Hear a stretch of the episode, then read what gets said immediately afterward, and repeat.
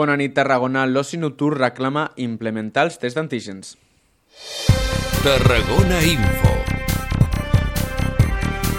El govern de la Generalitat va decidir el passat dimarts tirar enrere l'obertura de l'oci nocturn després de només dues setmanes oberts. Cristian Comte, propietari de Totem i president de la Federació Catalana de Representants de l'Oci Nocturn, assegura que ells són part de la solució i no del problema.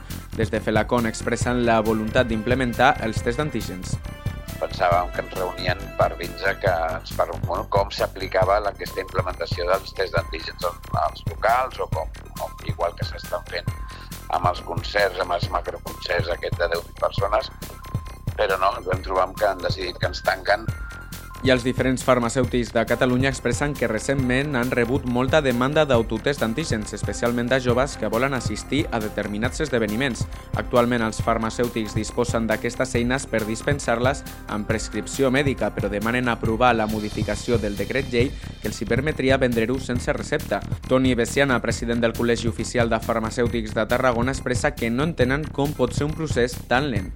Però encara han tingut que passar una sèrie de passos, com és la Territorial de Salut, ara està pendent del Consejo d'Estado, després té que passar a Consell de Ministres, publicar-se al BOE, i tot això, tots aquests tràmits, eh, són molt lents. I degut a l'estat actual de la pandèmia, nosaltres pensem que haurien de ser molt més ràpids i més àgils. Diverses colles castelleres han suspès els seus assajos arran les últimes dades de la Covid-19. Aquest és el cas de la colla Vella de Baix i la colla Joves Xiquets de Baix, que només assajaven amb la canalla fins al moment. A Tarragona, les dues colles principals han suspès també els seus assajos de tecnificació de tronc durant almenys dues setmanes.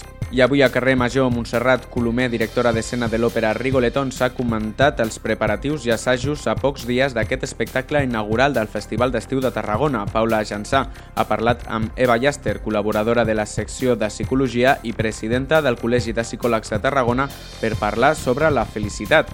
A Podcast City pots recuperar els més escoltats començant per l'Àgora amb Ramon Gras. Tot això i molt més a la nostra pàgina web. Segueix-nos a les nostres xarxes socials, Facebook, Twitter i Instagram i descarrega't la nostra aplicació per iPhone i Android.